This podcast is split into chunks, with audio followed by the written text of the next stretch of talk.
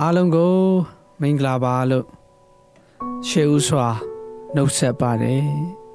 ဒီကနေ့ကျွန်တော်တို့ရဲ့အသက်တာအထင်းမှာနှုတ်ကပတ်တော်နဲ့အတူခွန်အားယူနိုင်ဖို့ရန်နာယုံမဟုတ်လိုက်လျှောက်ပါဆိုတဲ့ကောင်းစဉ်အောက်မှာခွန်အားပေးခြင်းပါတယ်ရှင်ယာကုပ်အခန်းကြီး1အပိုက်ငယ်20ကိုဖတ်ခြင်းပါတယ်ကိုကိုကိုလေ့ဖြား၍ နှုတ်ကပတရားကို နာယုံမြတာပြုတော်သူမဟုတ်ကျင့်တော်သူ ဖြစ်ကြလောချမ်းစာဤအတိတ်ဘေကဘာကိုဆိုလိုတလဲကျွန်တော်တို့အသက်တာတွင်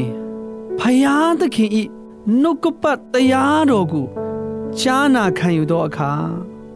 အုံနောက်အတိတရားတိုးပွားယုံတာခံယူဖို့ဖယားသခင်အလိုမရှိပါ ထို့သောအသက်တာကို ကိုကိုကိုလေဖြားသောအသက်တာဟုနှုတ်ကပတ်တော်၌ဖော်ပြထားပါတယ်တို့ဖြစ်ပါ၍နှုတ်ကပတ်တရားတော်ကိုချာနာခံယူပြီးလက်တွေ့အသက်တာ၌ဘုရားသခင်ကို ကိုးစားလက်လိုက်လျှောက်ကျင့်ဆောင်တော်သူဖြစ်စေရန်လိုအပ်ပါတယ်ဒါကြောင့်ကျွန်တော်တို့လက်တွေ့အသက်တာထဲမှာဖယားဤနှုတ်ကပတ်တရားတော်ကို နာယူယုံမြအတာမဟုတ်ပဲ ကိုယ်တိုင်လက်တွေ့ကျင့်ဆောင်အသက်ရှင်ရပါတယ်ဒါကြောင့်မို့ဓမ္မမိတ်ဆွေတွေအတွက်ကျွန်တော်ဆုတောင်းပေးချင်ပါတယ်အဖဖခင်သခင်ယုံကြည်သူအရောက်ချင်းစီတိုင်းအတွက်ဆုတောင်းပါတယ်သူတို့ရဲ့အသက်တာထဲမှာဖခင်သခင်ဤနှုတ်ကပတရားတော်ကို နာယုံမြတာမဟုတ်ပဲလက်တွေ့ကျင့်တော်သူများဖြစ်စေပါ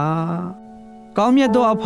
ကျွန်ုပ်၏အသက်တာတွင်နှုတ်ကပတရားတော်ကိုချာနာခံယူယုံမြတာတတ်နိုင်ပါ၏လက်တွေ့လိုက်နာကျင့်သုံးရန်မတတ်နိုင်ပါ။အိုအဖဖျားသခင်